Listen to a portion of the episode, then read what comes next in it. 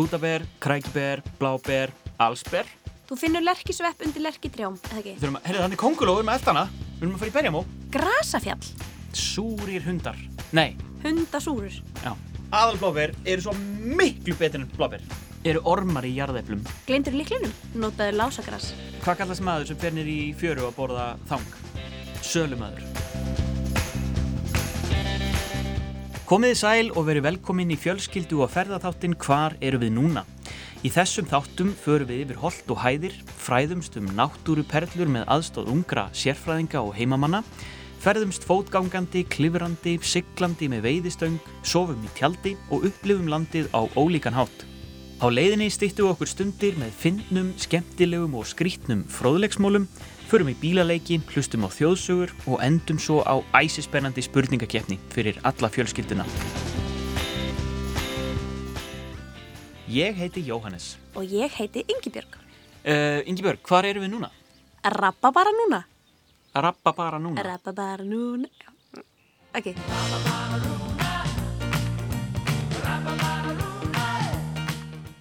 Hvað er það að borða? Ég bara að borða gras. Gras. Mm Hvað heldur þú setja ykkur kind eða? Nei, þetta er fjallagras.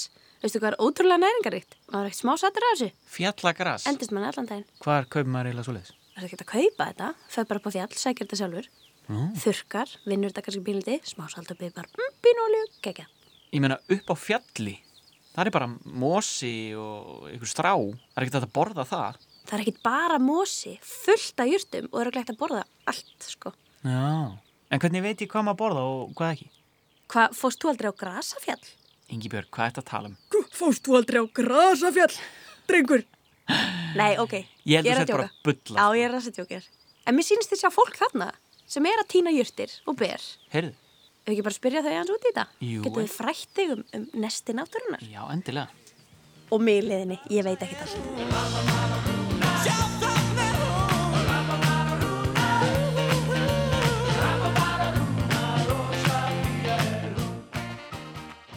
Ég heiti Matildur.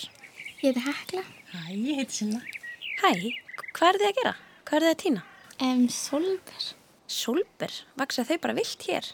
Uh, nei, það er sko runn, runni á leikvölinn. Búið að planta runnum. Hvað gerir þið úr þessum solberjum? Það solberamófur eða... Sultu eitthvað? Eða sultu. En líka saft og jafnvel saft úr laufunum. Eru þið grasakónur? Mamma er aldrei í því.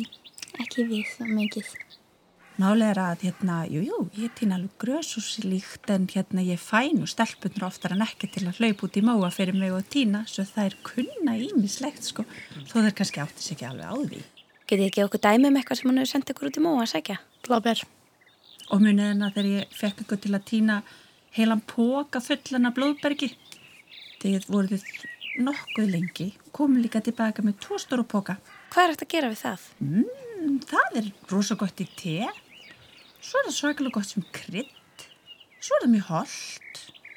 Og ef að þú ert til dæmis pínu lasin eða líður eitthvað illa þá er það ansi gott að setja blóðberg út í teð með smá fjallagrösum. Það er gott við flensu. Ef maður er út í náttúrunni og er svolítið svangur, hvað ætti maður að týna?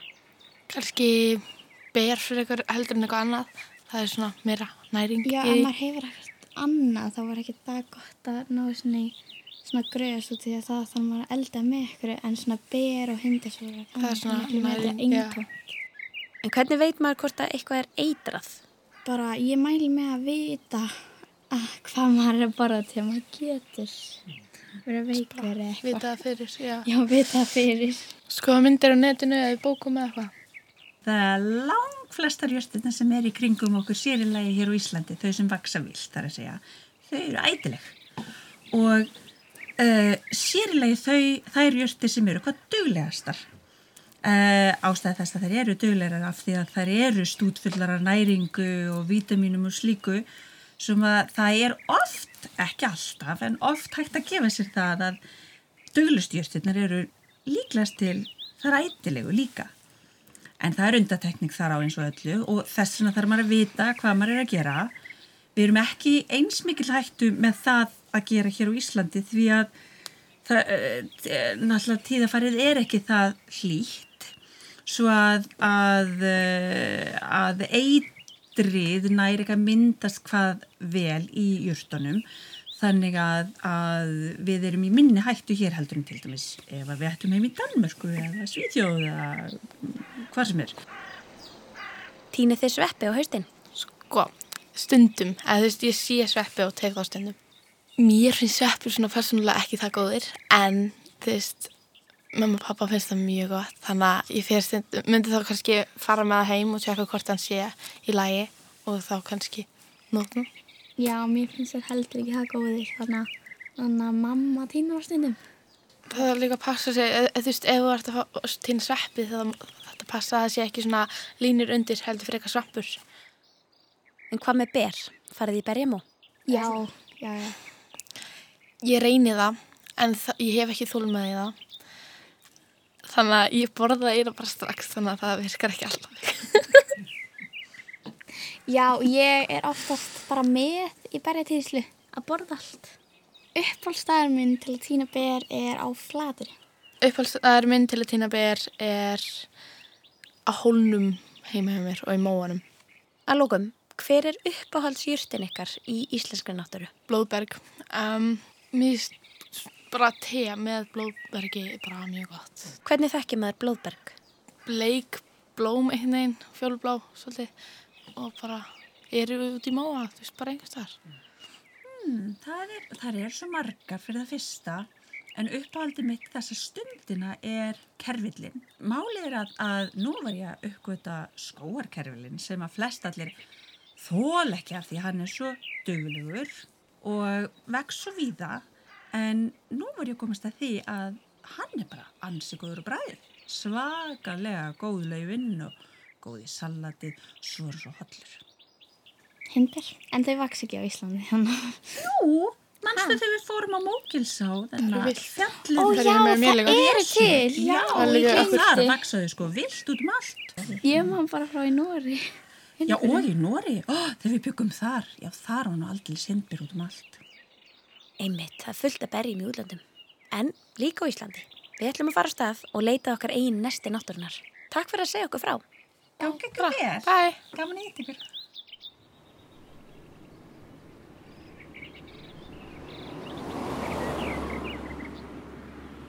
Vissir þú að það vaksa líka jurtir í sjónum og í fjörun er hægt að finna ótrúlega næringaríkt þang sem hefur lengi verið þurkað og fólk kjamsar á eins og snakk.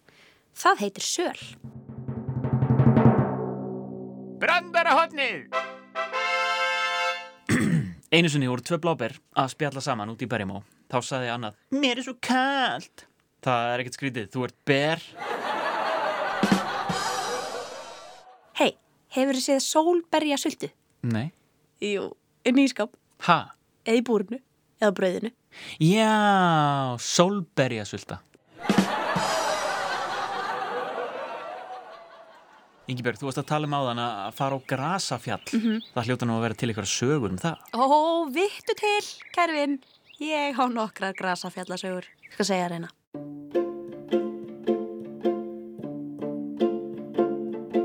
Fjallagrös. Fjallagrös hafa verið íslensku þjóðinni mjög mikilvæg í aldana rás. Þau björguðu mörgum svöngum munnum en það hægt að nýta fjallagrösin í allskins mat og sem lækningarjustir, til dæmis við kveði og magaverkjum. Fjallagrösin finnast í fjalllendi og eru alls konar á litin, þó þau séu oftast brúnleit. Og Íslandi var erfitt að rækta korn til að búa til grauta og brauð og voru fjallagrösin notuð í staðinn. Þá urðu til grasaflatkökur, grasarúgbrauð og grasagrautur sem var talin allra heilsusamlegasti og bragð besti íslenski rétturinn sem hægt var að bjóða upp á. Fjallagrös voru tínt snemma á sumrin, um eða eftir miðjan júni. Þá var auðvelt að týna alla nóttina af því að sólinn sest aldrei á þeim árstíma.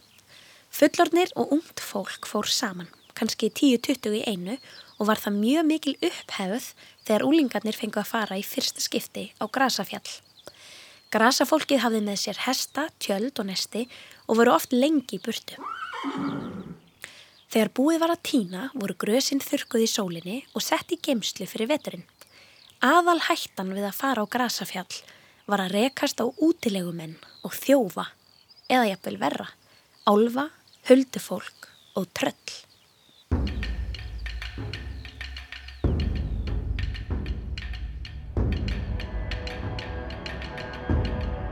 Trund, trund og tröllin í fjöllunum. Einu sinni voru tveir menn á grasafjalli. Eina nótt lágu þeir báðir í tjaldi saman. Einn þeirra svaf en hinn vakti. Allt í einu sér sá sem vakir hvar hinn, sá sem var í fastasvefni, skreið út úr tjaldinu. Hann fyldist með honum standa upp og hlaupa af stað. Hinnum fannst þetta mjög fyrðilegt og ákvað að hlaupa á eftir honum. Sá sem svaf hljóp svo rætt að hinn misti næstum af honum en náði samt að fylgja. Maðurinn stemdi upp til jökla. Sá sem eldi sá þá hvar feiknarleg skessa satt upp á jökulbrún einni. Hún snýri að þeim, hafði hendurnar úti réttar og dró eina hönd í einu að brjósti sér, eins og hún væri að lokka þá til sín. Sá sem hljóp í svefni hljóp beint í fangið á henni og um leið stóð hún upp og hljóp burt með hann.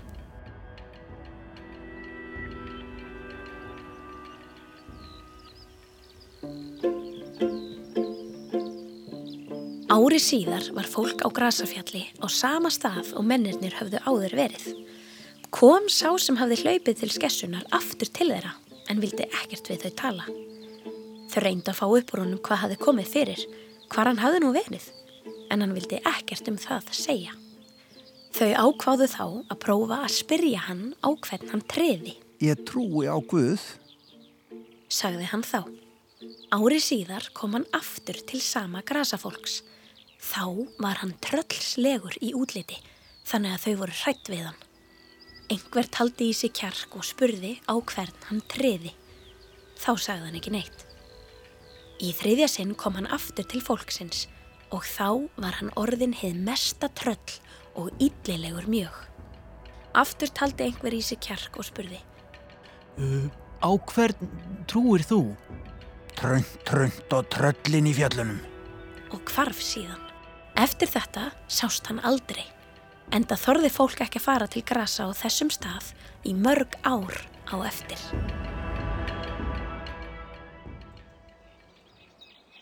Vissir þú að kartöblur eru stundum kallaðar jarðepli? Jói, ég er með frábæra bók.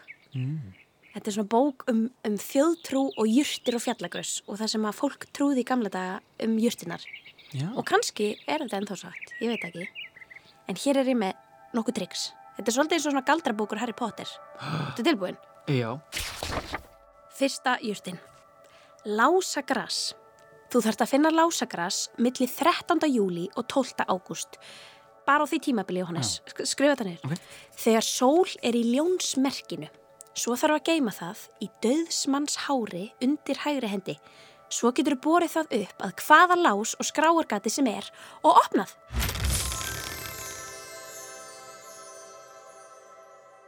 Prófum eitthvað eitt viðbútt. Við þurfum að vera með fleiri triks heldur en eitt. Holta sólei. Ef einhver stelur einhver að þér, þarftu bara að taka holta sólei og bera upp að augan á þér. Þá sérðu strax hver þjófurinn er. Einfalt. Mhm. Ah, ég, ég hrublaði með þess þegar við vorum að klifra hérna. Nú, Já, æ. ég mér svo komið sár. Er einhver plástur í bílnum? Nei, þú þarft ekki plástur. Býta aðeins. Lækningarhorn Jóa. Ert þú með sár? Berðu Maríustakk upp að því. Ert þú með höfuðverk? Þóðu höfuðið upp úr burnirótarseiði. Er þér illt í maganum? Fáðu þér fjallagrös. Ertu með ljótt sár sem grær illa? Prófaðu þessa uppskrift. Taktu brent músarskinn, smátt skorinn vallhumal, mulinn pipar og mold úr kirkjugarði. Þetta skal hrista vel saman í bauk, þó sárið vel upp úr kvolpahlandi og leggja svo duftið við.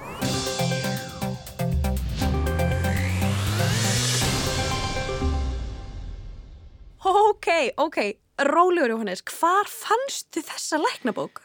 Já, þetta með kvolpahlandi var kannski aðeins svo mikið. Já, ég minna, mold úr kirkjugarði. Ég er með Já. sár. Þetta er mjög skrítin bók, ég fann hana hérna, já það er leindó hver ég fann hana, en hún var mjög gömul og ríkfallin. Ég skal alveg kaupa þetta með seiðin og fjallagrausin og það er alveg smyrsl úr náttúrulega mjörtum. En mér finnst, hérna, já, kvolpapiss, ég er ekki alveg til það, sko. Nei, þetta er svolítið svona nortna eitthvað. Réttu mig bara plásturinn. Já, ok, gjör svo vel. Velkomin í spurningakeppnina Hver er með svarið? Við heyrum tíu spurningar sem tengjast þema þáttarins og hvert rétt svar gefur eitt stig. Sá sem fyrstur kallar rétta svarið fær stíð. Og við byrjum núna. Hvaða gómsæta jurt sem vex í náttúru Íslands og flestir krakkar týna upp í sig heitir líka þessum nöfnum. Blöndustrokkur, engjasúra, lambablöðkur, súrusgreppa, túnsúra og mjölsúra.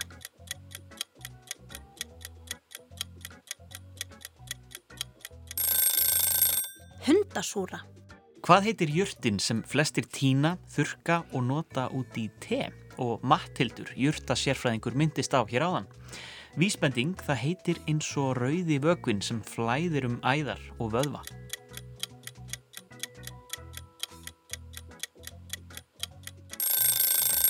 Blóðberg. Öldum saman hefur fólk farið og týnt fyrirbæri í náttúrunni sem hægt er að borða eða nota sem lækningajurtir. Þá er það gerðan þurkað og sett í geimslu fyrir veturinn. Hvað er það sem grasafólkið týnir?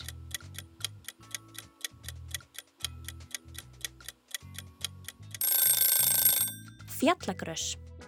Í þjóðsögunu hér áðan lentu tveir grasamenn í furðulegu atviki þegar annar þeirra skreið úr tjaldinu eina nóttina og hljóp út. Beint í flasið á óulegri skessu. Þegar hann sneri reglulega aftur, orðin trötslegur í útliti, spurði fólk á hvað hann treði. Hvað sagðist hann trúa á í síðasta skipti sem hann var spurður?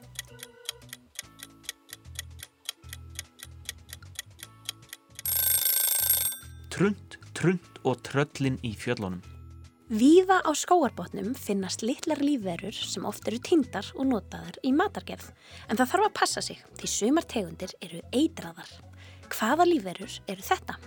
Vísbending, strömbarnir búa í þeim.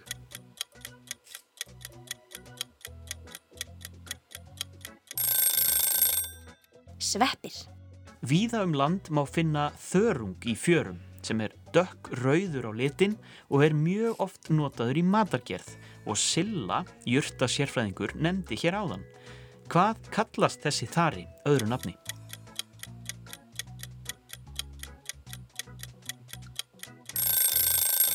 Söl. Margir fari sveitina seint á sumrin og haustin, leggjast í mjúkt ling og tína ber í fötu eða bara beint upp í munn. Hvað er það oftast kallað?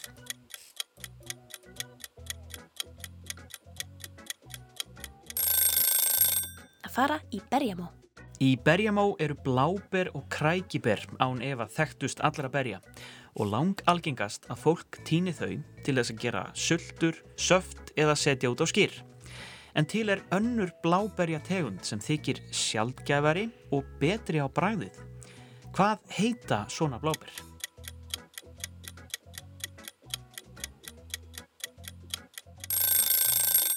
Aðalbláber. Kartöflur vaksa neðanjarðar eins og margar tegundir rótargræmitis. Hvað er annað orð yfir kartöflur á íslensku?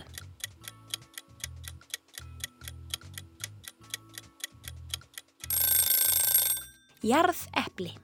Það er ekki öll ber á Íslandi borðuð, allavega ekki af mönnum. Í görðum víða um land vaksa reyniber sem eru eldrauð og mjög ábyrjandi á haustin, en þykja alls ekki góð á bragðið. Þau eru ekki eitruð en eru í miklu uppáhaldi hjá litlu dýri sem næli sér oft í þau á haustin og berin eru stundum kölluð í höfuð á þessum litlu dýrum. Hvað eru reyniber stundum kölluð?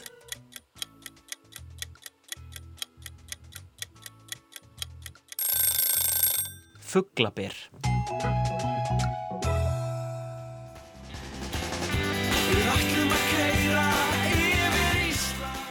Ég er ekki með fleiri póka fyrir allt þetta blóðbergjói. Jú, hvað er þetta? Tróttu sér bara í vasana? Nei, þeir eru fullir af fönn. En hvert settur þú sveppina? Eh, Í húfina mína? Já, ok. Herru, þurfum við ekki bara að koma þessu heim í þurrk og taka aðra umferð á morgun? Heyrðu, jú, og við getum tekið aðalblóper með í nesti. Við erum allan að fara í sveitaferð á morgun, svo að það er kannski, já það er kannski ekkert vittlust að vera mennesti. Við höfum lært heilmart í þessum þætti. Jurta fróðleikur dagsins kom meðal annars úr skrítnu lækningabókinans Jóa, en sá fróðleikur sem ég treysti aðeins betur kom frá vinkonunum Matildi og Heklu Sif og mömmunar Heklu henni Sillu. Ef þú vilt hlusta þáttinn aftur eða finna fleiri þætti af hvar erum við núna, þá eru þeir allir inn á krakkarúf.is í appinu og öllum helstu hlaðvarpsveitum. Jói, kontu núna! Ha? Já, kontu núna! Hver? Ekki týna meira upp í þig, í bókan og upp í bíl. Ég elska blóðböld!